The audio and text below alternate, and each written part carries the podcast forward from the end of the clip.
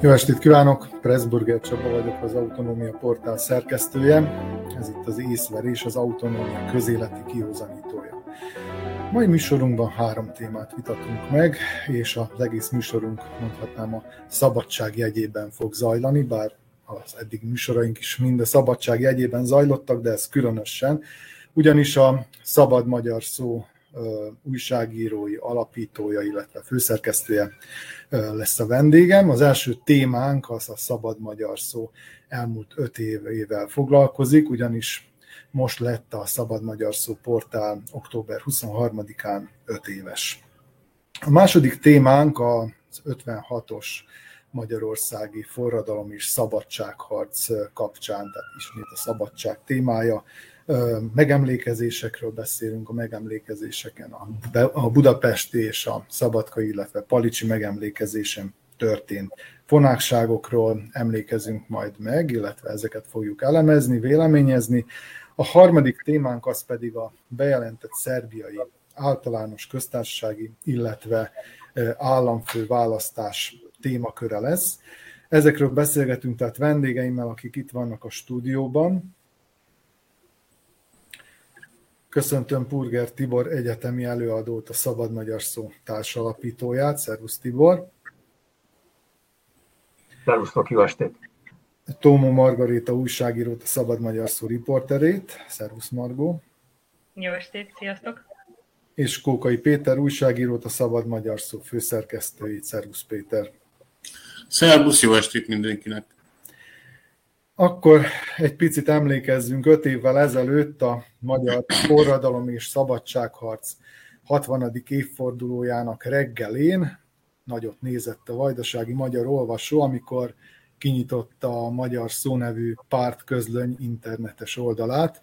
Ott ugyanis olyan szerzők írásait találta, akiket már korábban száműztek a jobb időket is megélt napilap hasábjairól, és olyan kritikus hangnemben íródott cikkekkel találkozhatott, amilyeneket Varjú Márta, a magyar szó aktuális főszerkesztője álmában sem engedett volna közölni.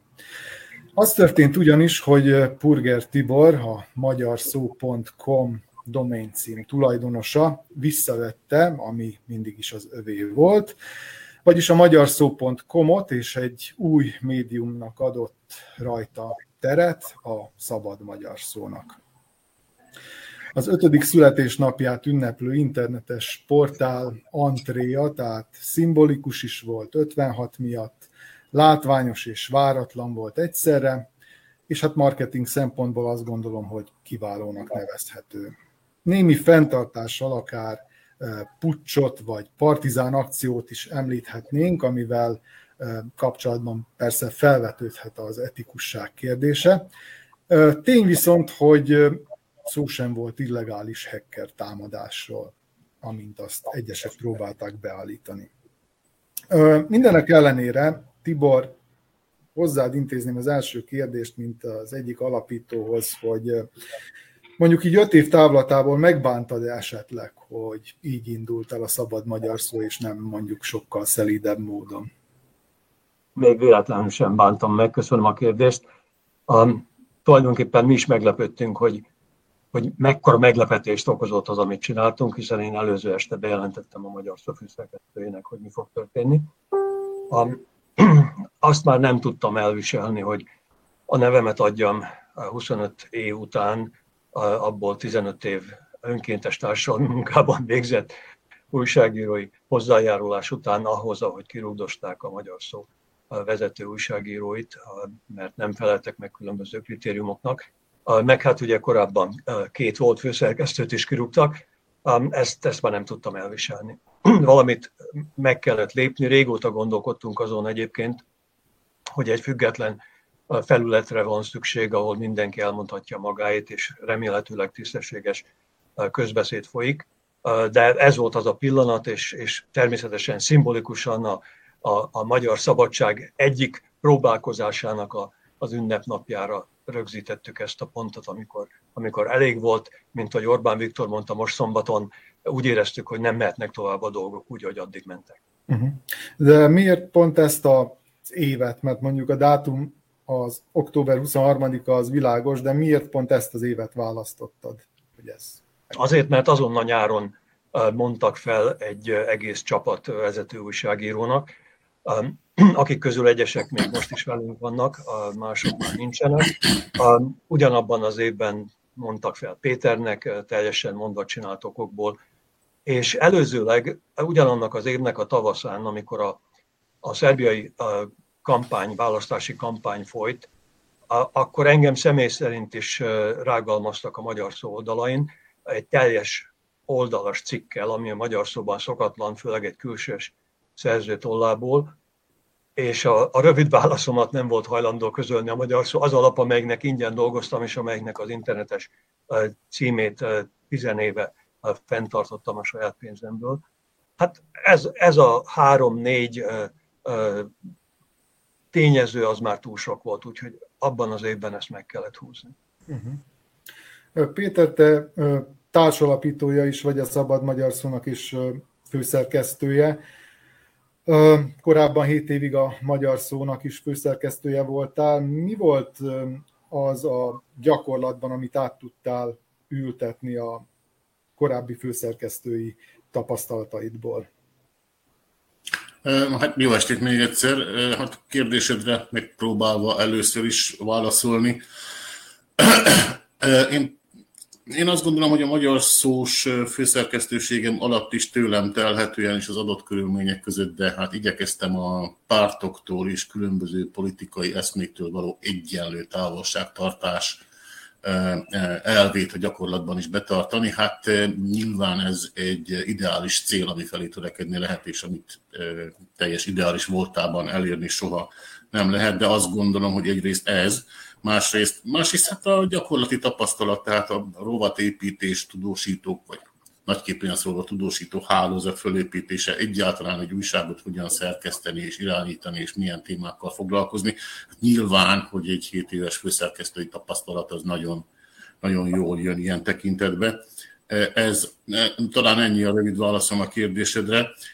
Úgy egyáltalán az öt évvel ezelőtti történésekre visszatérve pedig azt gondolom, hogy igen, tehát ez így egy nagyon helyes sorrend volt, hogy amikor a Szabad Magyar Szó születéséről beszélünk, akkor először Tibor kapjon szót, hiszen azt gondolom, hogy az ő szerepe az kulcsfontosságú volt ebben a történetben, és akkor hogy utána kapjak én szót, aki úgy próbáltam valahogy valamilyen módon hozzájárulni ehhez. Na most, hogy mi volt a motiváció, az indok és a kiváltó ok, azt Tibor itt szépen elmondta. Azt hiszem, hogy annyi eh, kulisszatitkot elmondhatok, vagy hozzá tehetek ehhez a történethez, hogy eh, eh, hát ugye amikor Tiborban megérvett az elhatározás, fogalmazzunk így, hogy ő sem a nevét, sem az általa tulajdonolt oldalt többé nem bocsátja a magyar szó és egy ilyen szerkesztés politika rendelkezésére, Hát akkor ezt a gondolatát megosztotta velem, mert hála jó Istennek már jó régóta igen közeli baráti kollegiális viszonyban vagyunk, és akkor ezt elmondta nekem, hogy hát ne, ő neki ebből elege van, ő ezt így tovább nem. Most az én hozzájárulásom az annyi volt ehhez a történethez, hogy mondtam neki, hogy én teljes mértékben megértelek és egyetértek vele Tibor, de ha már így, tehát ha már ez a döntés benned megérlelődött és már végleges, és ha már a kezedben van egy olyan platform, amit sok olvasó látogat, hát akkor ne hagyjuk ezt kárba veszni, hanem akkor tegyünk fel oda olyan tartalmakat, amelyekről mi azt gondoljuk, hogy fontos. Tehát ez volt az alapötlet, amit aztán fűztünk, fűztünk, fejleszgettünk tovább. Lelkes, lázas és a meglepetés érdekében titkos ugye kis szerveződés kezdődött, újabb és újabb munkatársakat próbáltuk meg bevonni, hogy amikor elérkezik ez a bizonyos október 23 akkor már tényleg tényleg egy lehetőleg a, a, a profizmushoz minél közelebb álló portállal tudjunk az első pillanatban jelentkezni, és mi csak egy momentumot szeretnénk ezt hozzátenni, és akkor továbbadom a szót. Azt gondolom, és hát hogy is mondjam, megértem azt, hogy maga a műsorvezető szerénységből elhallgatja, de azt gondolom, hogy nagyon fontos kezdő, indító üzenet volt az, hogy azon a bizonyos öt évvel ezelőtti október 23-án a vezércikket a jelenlegi főszerkesztő előtti kettő főszerkesztő, aki most mind a kettő itt van ebben a virtuális, virtuális stúdióban, Tehát mind a kettő közösen írta alá, és próbálta megfogalmazni azokat az értékeket és elveket, amelyekről megítélésünk szerint a magyar szó letért, és amelyeket a szabad magyar szó viszont őrizni, ápolni és fejleszteni szeretne. Margó, te mm, nem néztem pontosan utána, de körülbelül egy éve vagy a Szabad Magyar Szónál, ha jól, jól emlékszem. Ugye te, mint riporter, aki nagyon gyakran politikai témákkal is foglalkozol, mit kezdesz ezzel a helyzettel, hogy, hogy hát a szabad magyar szót nagyon sokszor nem hívják meg bizonyos eseményekre, nem kap értesítést bizonyos eseményekről, nem hajlandók a hatalmi politikusok, vagy mondjuk így a, a Vajdasági Magyar Szövetség környékéről nyilatkozni a lapnak. Mit kezd egy újságíró ezzel a helyzettel, amivel nap mint nap szembesül? Még mindig próbálkozol? Tehát, hogyha például egy olyan riportot írsz, ahol meg kellene szólaltatni a másik felet, és az történetesen egy VMS közeli intézmény, vagy akár a VMS-nek valamelyik politikusa, vagy egyszerűen már föladtad, és, és századszorra nem, nem, nem fogod ezt meglépni. Ó, nem. nem adom föl soha. Kicsit visszakanyarodok, jó? Igazából én február 1 -e óta vagyok hivatalosan a Szabad Magyar Szó munkatársa, de Hát azért ez nem titok, hogy én nem hivatalosan ott voltam nyilván az alakulásnál is, holott én azért azt is el kell mondani, hogy nem voltam azok az újságírók között, akiket hivatalosan valamilyen módon eltávolítottak a magyar szóból. Én úgymond önként mondtam föl, engem nem rúgtak ki, vagy nem próbáltak meg rákényszeríteni arra, hogy fölmondjak.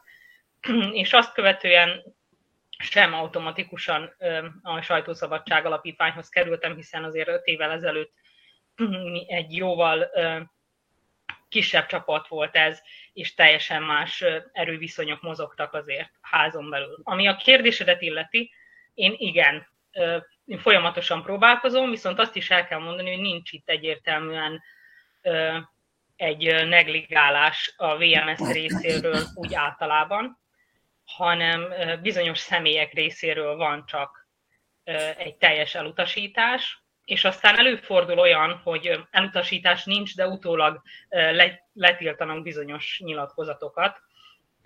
Vannak viszont olyan VMS-es politikusok és egyéb politikusok is, akik probléma nélkül nyilatkoznak a, a szabad magyar szónak, és ennek igazán örülök.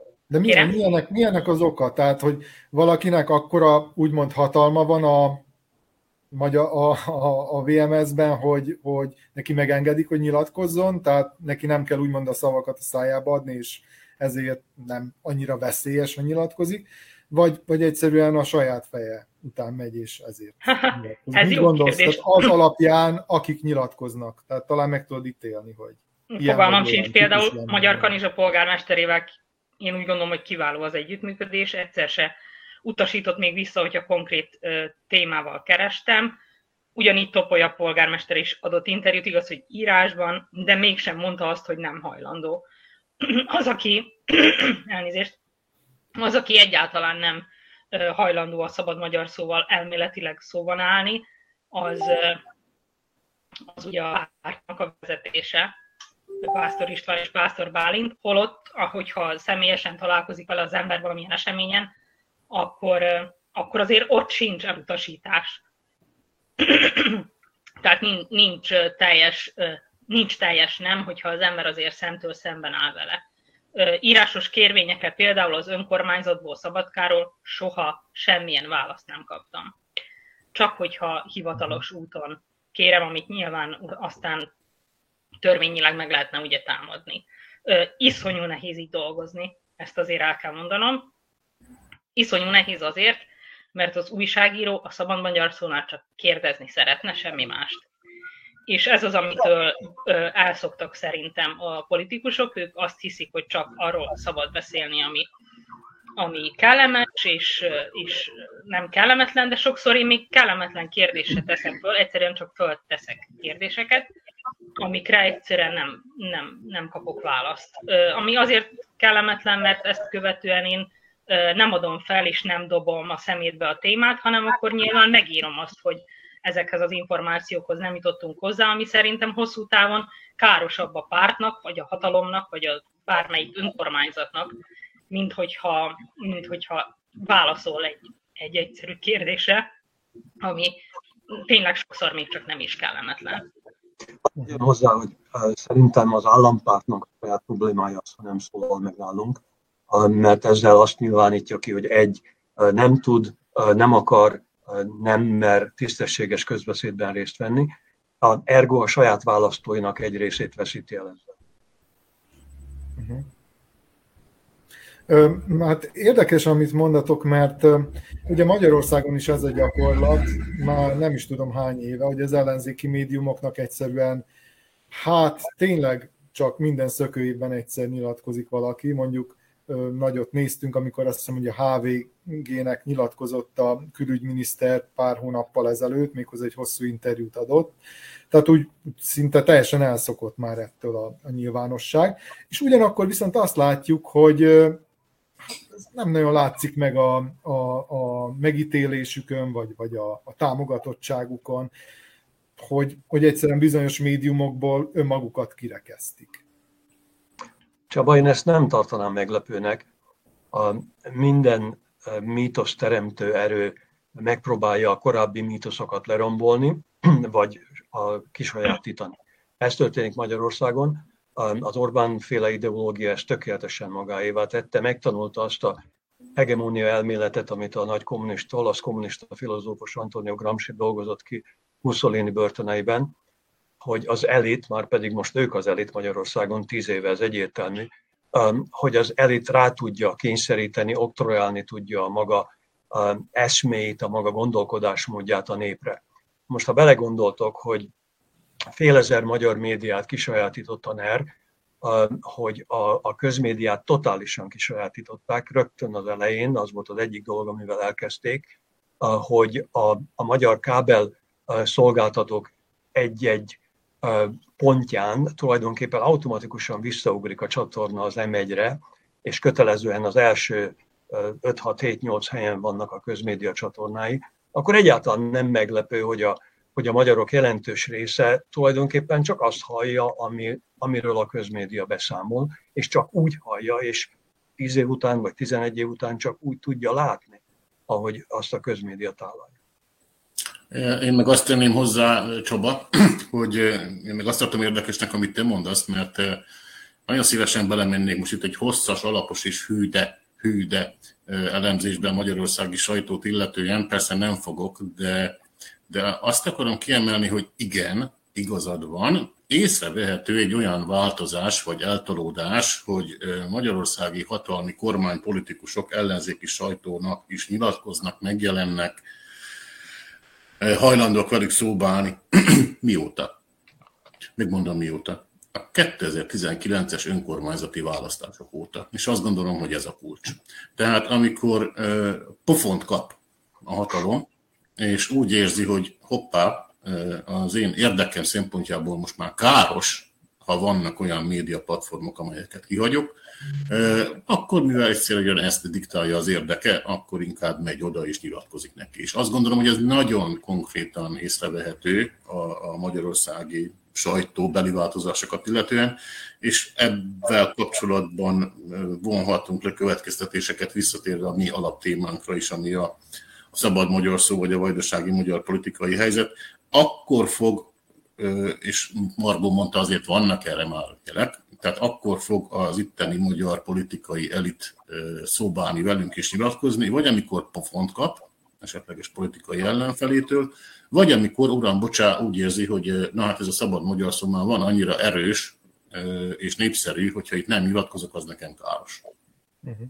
Arról, hogy lesz-e itt pofon jövőre áprilisban, arról majd később, de um, akkor térjünk vissza egy picit a magyar szó, a szabad magyar szó, bocsánat, hoz, és Péter, téged kérdeznélek egy picit így a kulisszák mögé, ha bevezetnéd a, a nézőket, illetve a Szabad Magyar Szolvasóit, hogyan zajlik a munka a Szabad Magyar Szónál, hogy néz ki egy munkanap, hogyan szervezitek meg a munkát, hány emberrel?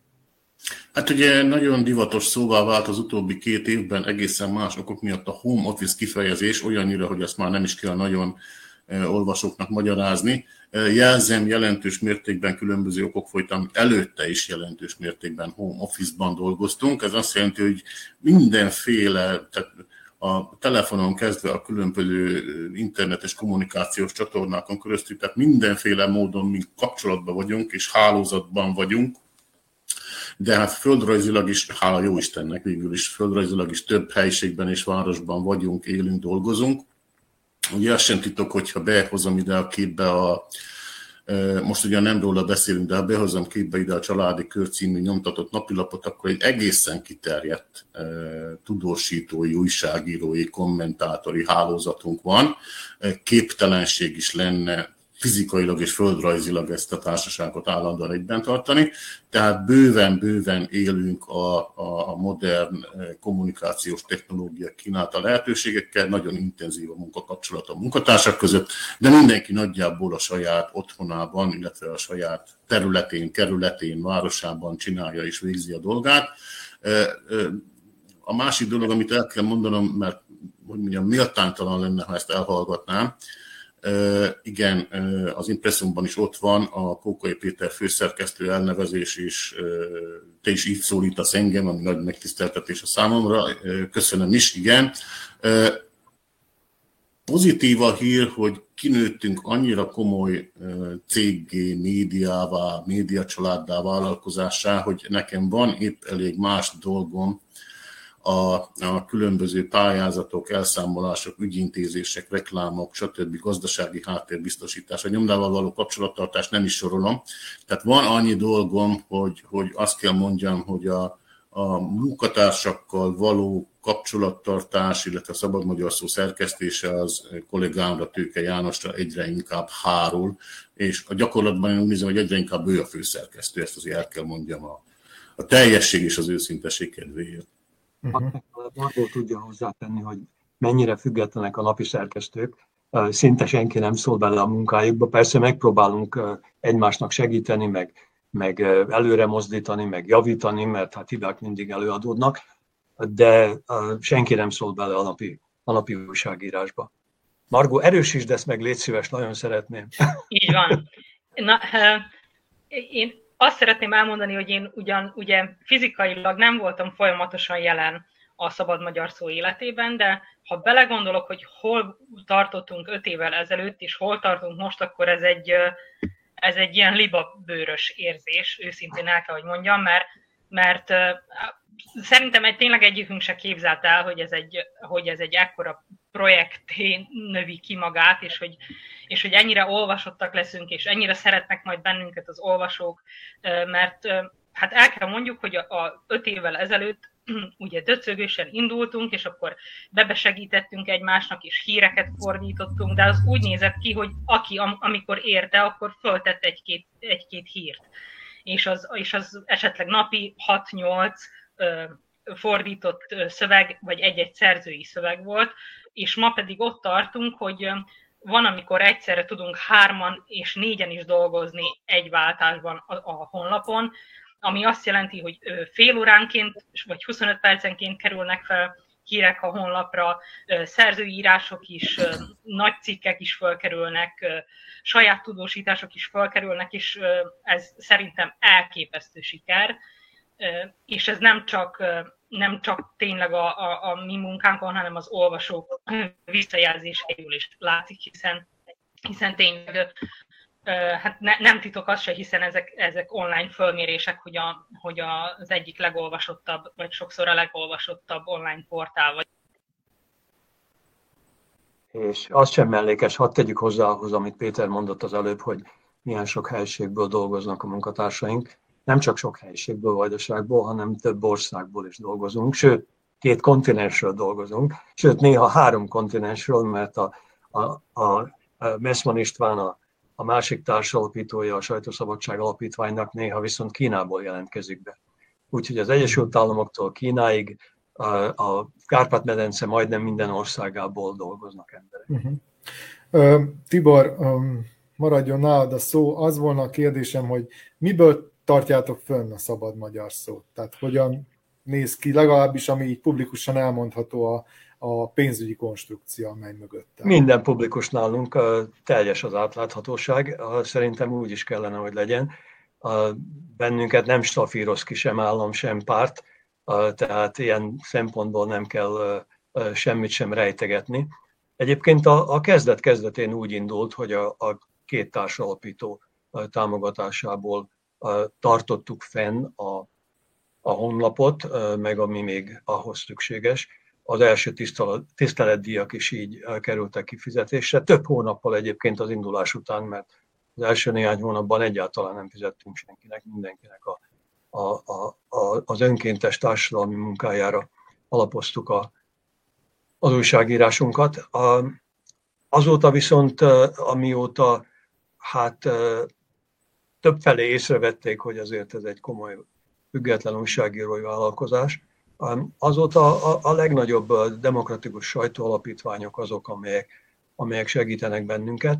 A, egyáltalán nem, nem titkos, hogy kik és, és honnan, a Európai Jó néhány országából, az Egyesült Államokból is egy, egy pártközi alapítvány. Ők voltak az elsők, akik, akik észrevettek bennünket, hogy úgy mondjam, és mégis kerestek bennünket. Most itt persze rögtön jöhetnek a támadások, hogy hát igen, amerikai ügynökök vagyunk, meg, meg ilyen teljesen fölösleges rágalmak, meg moskolódások, mert hogy az otthoni, a, a Szerbia és a magyarországi pártállammal ellentétben ezek az alapítványok egyáltalán nem szólnak bele abba, hogy, hogy az ember milyen újságírást követ. Az tetszik nekik, azt akarják támogatni, hogy, hogy függetlenek legyünk. Egyébként nagyon sok tévhit van a körül, hogy mit jelent az, hogy független sajtó, és akkor így demagóg módon szeretik mondani azok, akik soha nem is viselnék el a független sajtót, hogy hát ilyen nincsen, mert hát azért mindig, hát legfőjebb az alapítóktól függenek az újságírók. Nem, a független sajtó az azt jelenti, vagy a sajtó függetlensége azt jelenti elsősorban, hogy az államtól független. Azon túl pedig vajon szint a sajtó, tehát Európában, az európai sajtótörténelemben teljesen egyértelmű, hogy, hogy a, a, a legnagyobb napilapok valamilyen pártnak, vagy valamilyen közösségnek alapjai voltak, és ettől nem is menekültek. A függetlenség nem azt jelenti tehát, hogy, hogy anyagilag senkitől sem függünk, nagyon jó lenne, de mint látjuk Magyarországon is kivitelezhetetlen, tizenvalahány millió potenciális olvasótáborra alapozva is kivitelezhetetlen, hogy teljesen a, a, az olvasók adományaiból vagy előfizetéséből tartsa fenn magát egy, egy online hírportál. Hát a vajdasági médiatérben térben meg még inkább lehetetlenség ez. Tehát ami a függetlenséget illeti, azt én úgy definiálnám, hogy, hogy jó lenne, persze nehéz elvárás, mert a sokszor csak néhány másodpercig olvasó embernek sem ideje, sem néha felkészültsége nincs ahhoz, hogy megállapíts, hogy milyen műfajt olvas éppen. Én ezért szeretem egyébként megjelentetni a, a műfajt a, a cikkeink címe alatt, hogy lássa az ember, hogy mi vállaljuk a szubjektív véleményt, hogy ami hír, az, az legyen szent, a vélemény meg legyen szabad nehéz ezt észrevenni, és sokszor felháborodott kommentek jelennek meg például a Facebook oldalunkon, hogy na hát ezek is ide húznak, vagy oda húznak. Nem erről van szó. A, a, a hírek legyenek tárgyalagosak, a véleményeket megvállaljuk. Uh-huh. Még egy kérdésem volna a témakör kapcsán hozzátok, és egy, tényleg egy-egy rövid választ szeretnék mindannyiatoktól erre a kérdésre. Dolgoztatok a magyar szónál mindhárman. Eljöttetek onnan. Hogyan tekintetek azokra a kollégákra, akik továbbra is ott dolgoznak? Mit gondoltok róluk? Kezdjük Margó. Fú, Csaba, ez nagyon kellemetlen kérdés, őszintén. Nem muszáj válaszolni, mondhatod. Nem, vannak kollégáim, akiket, akiknek nagyon tisztelem a az újságírói tevékenységét, vagy írói tevékenységét, attól függetlenül, hogy, hogy úgy érezték, hogy vállalják bármilyen oknál fogva, hogy a magyar szónál maradnak. Az, hogy, hogy ezt miért tették, ez az ő személyes döntésük. Én tudom, hogy én nem tudtam volna maradni, ő, ők meg biztosan tudják az okát annak, hogy, hogy miért vállalták azt, hogy maradnak. Uh-huh. Péter?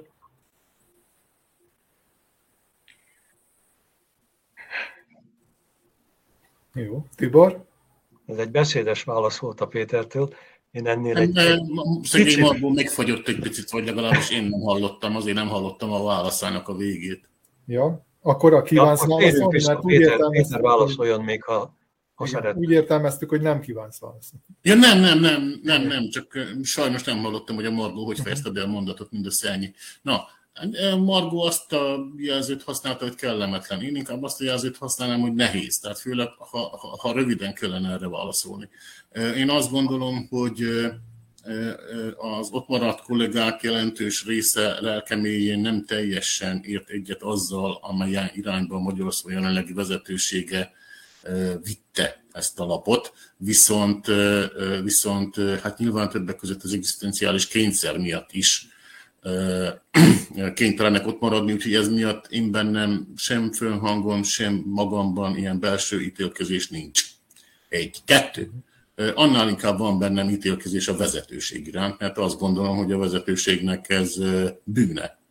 Tehát bűne a közösség, a, a 75 éves magyar szó az egyik legnagyobb, a vajdasági magyarság egyik legnagyobb szellemi értékének a Jaj, de szép válogatott csúnya szavakat használhatnék itt, tehát a politikai eszközzé való alacsonyítása egész egyszerűen, és ezt ki kell mondani, hogy ez bűn, bűn. Tehát ez a vezetőség bűne.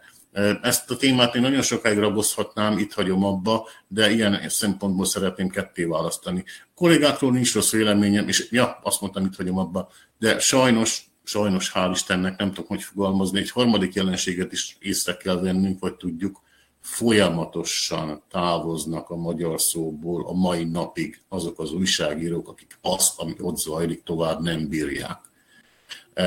Ezt is látni kell. Tehát azt gondolom, hogy a kollégákkal kapcsolatban semmi rosszat nem akarok sem mondani, sem megfogalmazni, a vezetőséggel kapcsolatban annál inkább. Tibor? Köszönöm ezt a kérdést, Csaba.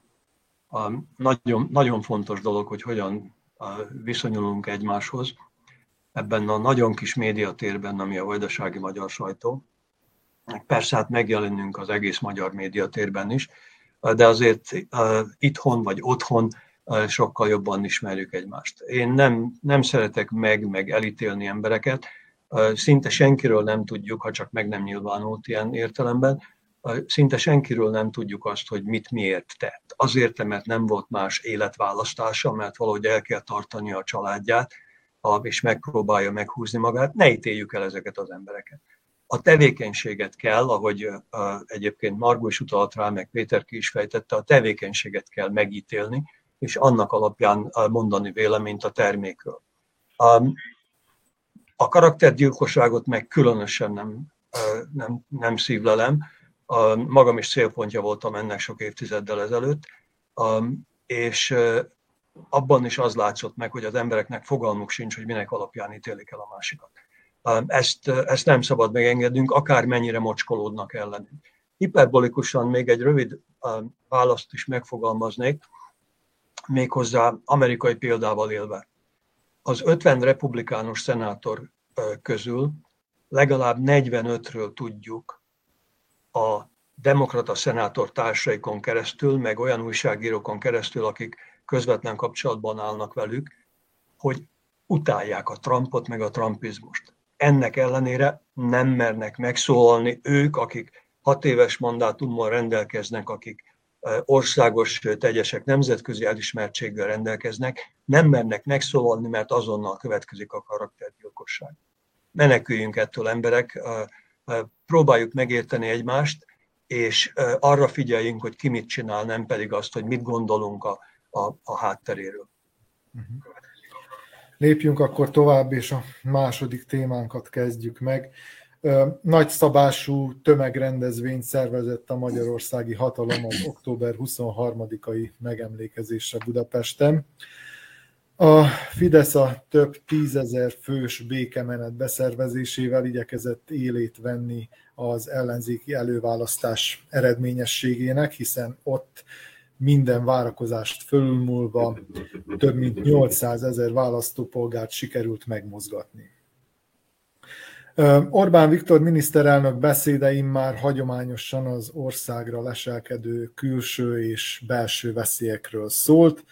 Amelyeket a migránsok, az LMBTQ propaganda, Brüsszel, Soros György, vagy neki csak Gyuri bácsi és Gyurcsány Ferenc testesít meg, bár ez utóbbit nem említette név szerint, csak körülírás formájában szerepelt a beszédben. Természetesen a vajdasági központi megemlékezés sem maradt el az idén sem. A Vajdasági Magyar Szövetség által évek óta szervezett Palicsi és Szabadkai rendezvényen Pásztor István elnök egyik fő üzenete az volt, hogy idézem, a magyar szabadság csak együttműködésben, kölcsönös tiszteletben teljesedhet ki, és még ilyet is mondott, hogy fokozott felelősségünk van abban, hogy a mai nap az összetartást erősítse. Mondta mindezt nem sokkal azt követően, hogy a Palicsi ceremónián beszélgetni kezdett, és hátat fordított a magyar mozgalom elnökének, aki utolsóként és felkonferálatlanul épp elhelyezte a szervezet nevében az emlékezés virágait. Margó, te ott voltál és tudósítottál is a helyszínről, sőt, még a, a VMS későbbi közleményében hivatkoztak is a szövegedre. Hogyan zajlott ez az egész, hát, hogy úgy mondjam, ez az ünnephez méltatlan jelenet, amikor, amikor a magyar mozgalom elnöke Sövény Ferenc ugye elhelyezte a koszorút. Mi egy fotót láttunk az eseményről, ahol mindez, amit én is elmondtam, látszik.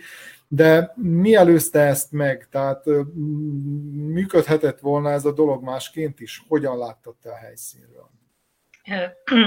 hogy tévedés ne esik, nem voltam ott a helyszínen. Én újságíró, Vajdasági RTV újságíró kollégámtól értesültem arról, hogy, hogy igazából történt ott egy félreértésnek nevezhető dolog, és akkor ennek alapján, ez az információ alapján próbáltam én utána járni, hogy, hogy mi is történt. A helyszínen igazából semmi nem látszott, legalábbis amit én, én tudok annyi látszott csak, hogy, hogy ott állt a magyar mozgalom elnöke a sorban, ugyanúgy a kis koszorújával is, mindenki letette azt a koszorút őt kivéve, és egyszer csak a, a műsorvezető lezárta a, a, az eseményt, és azt mondta, hogy köszöni szépen, és a központi ünnepség folytatódik, folytatódik a Jádrán színpadon. Ezt követően döntött úgy a magyar mozgalom elnöke, hogy ő mégiscsak oda sétál és leteszi a, a virágát, de hát természetesen a helyszínen is látszott, és a fotó is látszik ez, hogy olyan nagyon tiszteletben nem akarta tartani senki ezt, hogy van még valaki, aki, aki emlékezne, mert, mert a pártagok vagy a helyszínen levők is már elkezdtek távozni a helyszínről, és igen, ahogy említetted, van, aki hátat is fordított a, a, az elhelyezésnek. Ami ugye érdekes a számomra ebben a történetben az az, hogy Pásztor István hangsúlyozta, igen, a beszédében is azt, hogy, hogy ennél ez a szoborállítás jelképezi az összetartozást, és hogy a Vajdasági Magyar Szövetségnek sikerült ezzel a szoborral elérnie, hogy összefogja a, a különböző pártokat és civil szervezeteket, mert itt ad helyet mindenkinek, hogy együtt koszorúzzanak, holott pontosan tudta, hogy, hogy volt előtte egy igény a koszorúzásra, és azt mégsem hagyták jóvá. Illetve nem, hogy nem hagyták jóvá, hanem most ez lehet, hogy furcsa lesz, és ez nagyon a személyes véleményem, egy picit kihasználták, hogyha ez igaz, hogy a titkárnő, a Magyar Mozgalom titkárnője oda telefonált, kihasználták a, a tévedését, azt a lapszuszt, amit elkövetett, hogy vasárnapra kért időpontot. Természetesen szólhatott volna a Vajdasági Magyar Szövetség irodájának illetékesebb, illetve az, akivel telefonált, hogy elnézést, hölgyem, nem tévedés történt, a koszorúzás szombaton lesz, és nyilván a szombati koszorúzáshoz szeretne csatlakozni. Tehát ha valóban lenne szándék a párbeszédre, illetve az együttműködésre, vagy egyfajta alapvető tisztelet a másik iránt, a másik véleménye iránt, akkor azt hiszem, hogy ez lett volna a minimum, hogy közlik a telefonon keresztül, hogyha tényleg történt egyfajta ilyen tévedés, hogy, hogy vasárnapra kért időpontot, holott ugye azt hiszem, hogy a közleményből, a Vajdasági Magyar Szövetség közleményéből az derül ki, hogy ők egyfajta szándékosságot látnak a magyar mozgalom részéről abban, hogy vasárnapra kértek időpontot. Nagyon nehéz itt igazságot tenni, és szerintem az igazság, valódi igazságot kideríteni is. Az viszont bizonyos, hogy legalábbis én így látom, hogy egyfajta beszéd megindult, de hogy a valódi párbeszéd mikor indul meg, ezt, ezt egyelőre még nem látom.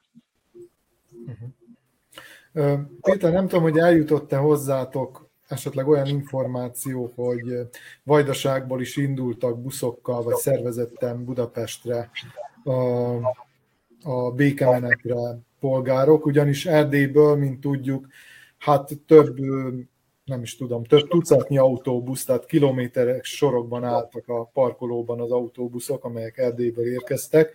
Esetleg tudtok-e arról, hogy, hogy Vajdaságból is volt-e ilyen szervezett csoport? Um, hogy is mondjam, abba a kifejezésedben kapaszkodok, hogy információ. Uh, igen, az információ, tehát tényeken alapuló leellen, leellenőrzött, leellenőrzött információ, tehát ilyen nincs, ilyen nincs ezért szeretném ezt hangsúlyozni, vagy, vagy, vagy sebészkéssel külön választani. Úgy tudom, úgy értesültem, úgy hallottam, úgy olvastam, ragozhatom ezt tovább, hogy azért voltak, voltak vajdaságból is, illetve délvidék zászlót is lehetett látni a tömegben, ami egy elég tág meghatározás. Tehát, hogy ne ragozzam túl, mert több érdemi információt ehhez nem tudok hozzáfűzni, tehát információm nincs, ilyen fél információm van arról, hogy voltak. Egyébként azt gondolom, hogy nagyon valószínű, hogy voltak természetesen a Vajdaságból is. Azt viszont információ szinten tudjuk, hogy a korábbiakon mindig voltak. Tehát a korábbi békemenetegen mindig voltak vajdaságiak. Úgy föltételezhetően voltak az idén is, föltételezhetően jóval kevesebb számban, mint az erdélyiek. Uh-huh. Tibor, nem tudom, föltételezem, hogy követted a budapesti eseményeket, és megnézted a békemenetet, illetve az ellenzéki összejövetelt is, esetleg még a kutyák vonulását szintén. Hogyan láttad te? A legtöbb elemző azt mondja, hogy, hogy míg a, a, a békemeneten most tényleg érződött az energia, több tízezren voltak, bár ők szerint több százezren, de ez valószínűtlen. Ugyanakkor viszont az ellenzék, amely épp ugye most van túl a, a nagy győzelmén, mert hát ez nem egy kis fegyvertény, hogy 800 ezer embert megmozgatott az előválasztás, hát valahogy egy picit gyöngécskére sikeredett ez, a, ez az esemény október 23-a. Te is így látod, mások a benyomásaid, erre volnék kíváncsi. Budapesti riporterünk alaposan és objektíven beszámolt ezekről a történésekről. Csak a buszokról még csak annyit, hogy miut, miközben a CÖF azt mondja, hogy ők nem fizettek buszokat, mi láttuk, hogy teljesen egyforma autóbuszok CÖF felirattal álltak sorban az Andrássy út két oldalán. Legyen ez adalék ahhoz, hogy mennyire, mennyire mond igazat a CÖF. De visszatérve a kérdésre, szerintem két teljesen különböző célú, értelmű, lényegű rendezvény folyt, vagy három is, ha úgy akarjuk, Budapesten a múlt szombaton, miközben az ellenzék az előválasztások végeztével, mint egy jól végezte a dolgát egyelőre, úgy érezhették, és csak az emlékezésre koncentráltak. Addig a hatalom egyértelműen kampány nagygyűlést tartott. Ezt ugye abból is láttuk, hogy Orbán Viktor beszéde, ami rendkívül harcias volt, és és egy ilyen emléknapon ilyen, ilyen nem szokás. Már a nyakendője is megmutatta, hogy ő most harcolni jött ide, nem emlékezni, mert a szokásos zöld emlékező nyakkendő helyett narancssárga harci kampány nyakkendőt kötött. Tehát nekik meg kellett mutatniuk az erőt ahhoz képest, amit említettél a 800 ezer résztvevővel szemben, akik az előválasztáson részt vettek. Egyébként meglehetősen ijesztő ez a, ez a harci modor, és én tulajdonképpen Magyarországot próbálom, vagy, vagy lát, óvni szeretném attól, ahogy, ahogy a magyar kormány jelenleg neki megy az egész világnak. Tehát azok a mondatok, hogy mi vagyunk a homok a gépezetben, hogy mi vagyunk a bota küllők között, tüske a köröm alatt, ahogy Margó beszámolójának a címe is elhangzott idézőjelben, ezek mind Orbán Viktor szavai. mi vagyunk az a Dávid, akit jobb, ha a góliát elkerül. Tehát ilyet azért egy olyan ember, aki, aki aktív, megbecsült, tisztességes tagja akar lenni a nemzetközi közösségnek, az azért nem mond. Nem az a probléma, hogy most mi bíráljuk Amerikát, az is probléma lehet, de, de nem erről van szó. Arról van szó, hogy ha azt akarjuk elhitetni a magyar választóval, hogy mindenki ellenségünk, akkor ez bizony problematikus. Tehát azért emlékezzünk arra a viccre, hogy hogyha mindenki a, az autópálya rossz oldalán vezet, akkor azért előbb-utóbb rájövünk, hogy lehet, hogy mégiscsak mi vagyunk a rossz oldalon. Visszatérve egy picit a, a, a palicsi történésekre, természetesen megkezdődött ugye a, a, a közleményharc, a, a, a koszorúzási idézőjelben szólva a közelharc után, mi ennek csak a beszámoló tényezői voltunk, annak ellenére, hogy a VMS közleményében aztán úgy jelent meg, hogy az ilyesfajta magyar szó nem lévén, de ha ezt használták, sajtó megjelenésekkel nem kívánunk foglalkozni, nem azzal kell foglalkozni, hanem azzal, ami történt. Arról nem is beszélve, hogy folyik a kizárósdi, hogy emlékezzünk arra, hogy a hatalmi propaganda egyik fontos eszköze az, hogy kivetítjük a másikra azt, amit mi csinálunk. Tehát az ellenséggyártás, a karaktergyilkosság, ez az, amivel a hatalmi propaganda él, és akkor megpróbálják áttolni a másikra, hogy az az a uh-huh. Akkor menjünk is tovább, még van egy harmadik témánk is, és már csak 12 percünk, úgyhogy bele is vágnék az április harmadikára jósolt választások ügyébe, ugyanis úgy hírlik, hogy megállapodás született a választások időpontjáról és ez azt jelentheti, hogy jövő április harmadikán választunk köztársasági elnököt Szerbiában, parlamentet és minden bizonyal tartományi képviselőházat is, bár ugye erről egyelőre nem volt szó, de általában ezt hát a köztársaságival párhuzamosan szokták megtartani. A belgrádiak még helyi képviselőket is választanak, bár az sem zárható ki, hogy pártutasításra a haladó párti önkormányzatokban feloszlatják magukat az összes városi és község képviselőtestületek, és akkor végül szinte egy teljes helyhatósági választási szinten is választani fogunk. Na mindegy. Tehát az, hogy mennyire lesznek szabadok ezek a választások, vagy nem, hogy elhisszük-e ezt a hatalom becsület szavára, hogy már pedig szabadok lesznek, ez, ez egy jövőbeni kérdés, amit mindenkinek magának kell eldöntenie, hogy ebből kifolyólag részt vesz a választáson, vagy sem.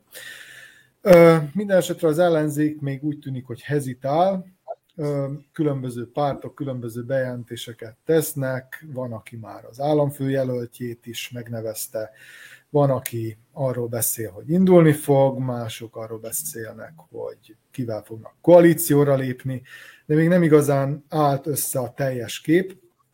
Ma azonban megjelent egy közvéleménykutatási adatcsomag, amely arról szól, hogy a szerb haladó pártra és a szerb, szerbiai szocialista pártra válaszadók 30%-a szavazna, és az ellenzékre, ahová aztán besorolható az összes mindenféle egyéb párt, ezekre olyan 37 százalék, tehát mint egy 4 százalék ponttal többen, és van még 33 százaléknyi bizonytalan, illetve olyan, aki nem nyilatkozott. Na most mindez Belgrádra vonatkozik, ez talán az egyetlen szépség hibája a történetnek.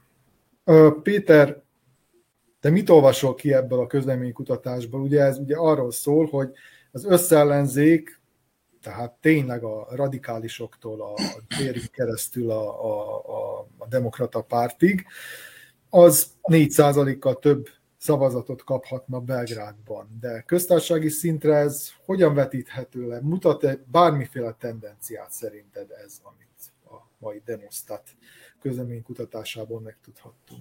Igyekszem rövid lenni, pedig helyde hosszasan tudnék beszélni. Én szeretek, eh, milyen magán, magánhobbiként, magánsportként szeretek mindig párhuzamot vonni, analógiákat keresni, összefüggéseket, vagy épp különbözőségeket keresni a magyarországi és a szerbiai politikai történések között. Azt látom, hogy az közös mind a két országban, hogy eh, van egy erőtlen, eh, most az elmondjuk mondjuk azt, hogy 8-10 évet ellenzékről beszélek.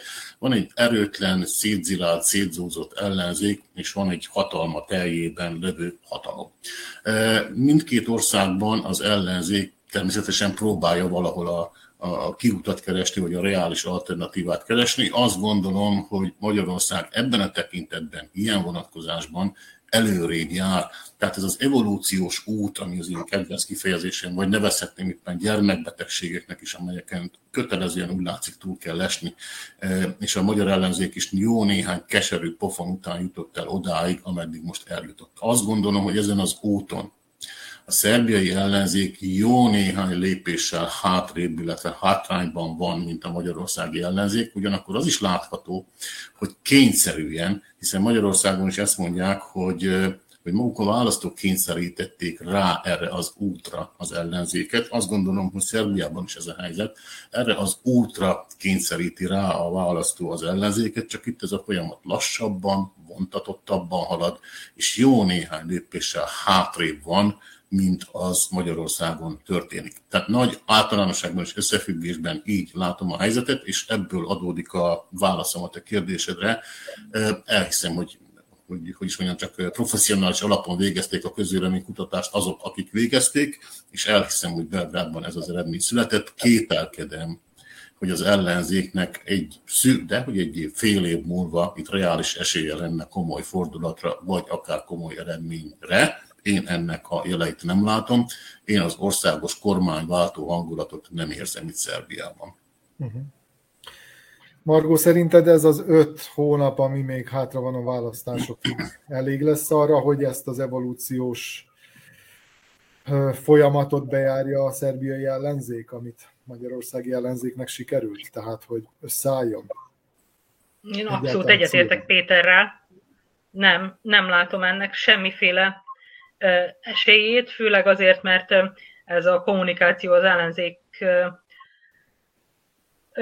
ket képviselő pártok között már nagyon-nagyon hosszú ideje zajlik, és hát ez egy, ez egy iszonyú hosszú vajudás, körülbelül olyan hosszú, mint az enyém volt ugyanezen az éjszakán, ahogy most itt beszélgetünk két évvel ezelőtt. Na, egyáltalán nem látok esélyt arra, hogy, hogy bármiféle előrelépés legyen, tekintettel arra, hogy, hogy vannak itt már pártok, mint a, a Dvéri is például, aki bejelentette, hogy, hogy elege van ebből a, a kompromisszum képtelenségből, és, és önállóan indul, és hát sajnos, hogyha utalni akarunk arra a, arra a hosszú beszélgetése is, amit az ellenzék próbált folytatni a, a hatalommal, és aminek az lett volna a lényege, hogy egyfajta megállapodásra jussanak, akkor ott tényleg szerintem itt esély, esély nincs a hatalomváltásra, és ennek a választásnak ismét az lesz a, a vége, hogy a szerb haladó párt megerősíti a pozícióit, és semmi más esélyt nem látok itt erre. Esetleg egy, egy fő, fővárosi bravúrra van esély, de ebben sem vagyok biztos.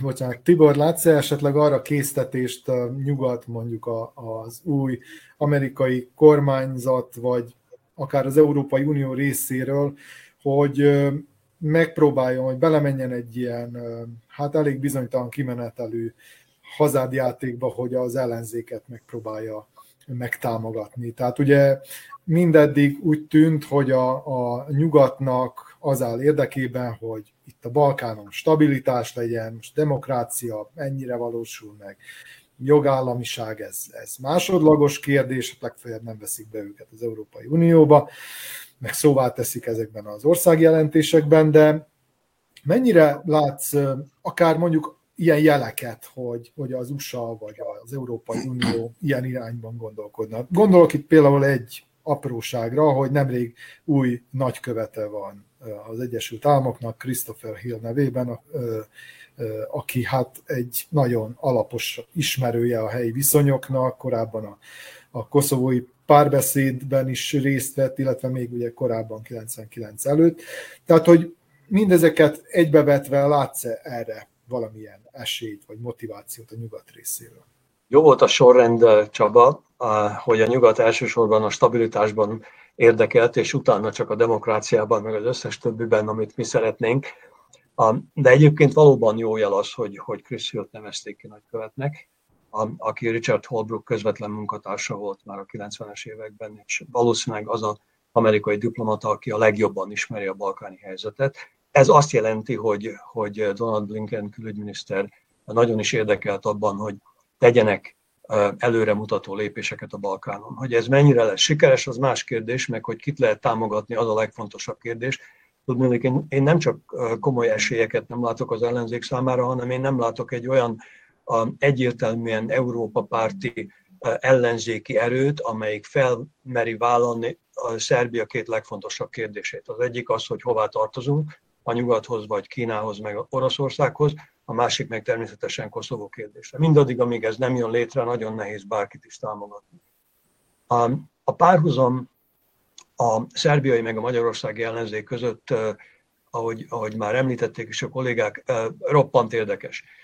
Én egy kicsit hátrébb is lépnék, mert tudnélik azért a szerbiai ellenzéknek volt egy hatalmas a hőstette, amivel megbuktatta a Milosevic rezsimet. Ilyen hőstettet még nem láttunk Magyarországon az ellenzék részéről, ha csak a 2010-es Orbáni győzelmet nem nevezzük annak, no, természetesen nem azonos körülmények között. Tehát azért lehetséges volt Szerbiában egy ilyen összefogás, nyilván sokkal súlyosabb volt az ok, ami miatt az összefogás megszületett. Tehát nem lehet kizárni azt, hogy, hogy újra lehetségesé válik. A, az, az új keletű szerb-magyar állami szintű kebelbarátság persze hasznos is lehet nagyon jó pragmatikus célokra. Én is nagyon szeretném, ha nem kéne végre ilyen katasztrofálisan sorba állni a, a horgosi határátkelő helyen, vagy akár a, a többin is. De azért ne felejtsük el ennek a, ennek a kebelbarátságnak a, a háttérszándékát.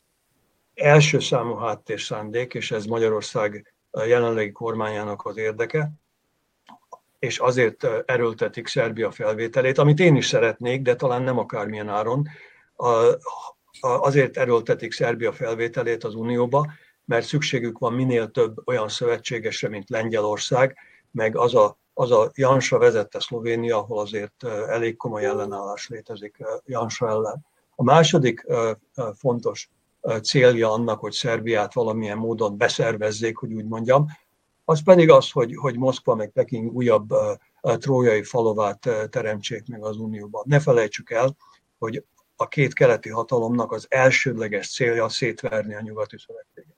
Úgy az Európai Uniót, mint a nato a, Én nem szeretném, hogyha ehhez Szerbia nyújtaná a, a, a következő segítséget. Szerintem Vucic egyelőre ügyesen manőverezik a, a nyugat, meg, meg az orosz és Kína barát politika között. A, az előbbieknek ugye ígérgetve ezt-azt pénzért cserébe, az utóbbiakat meg kiszolgálva szintén pénzért cserébe. Én attól tartok, hogy ez nem túl sokáig fenntartható állapot, hogy ennek el kell dőlni a következő néhány éven belül. Nem vagyok benne biztos, hogy ez a jövő évi választásokon fog eldőlni. Köszönöm szépen, hogy itt voltatok, és boldog születésnapot a szabad magyar szónak. Köszönjük, Köszönjük Csaba ezt a születésnapi tortát. Jó. Önöknek is köszönöm a figyelmet, ez volt az észverés 44. adása.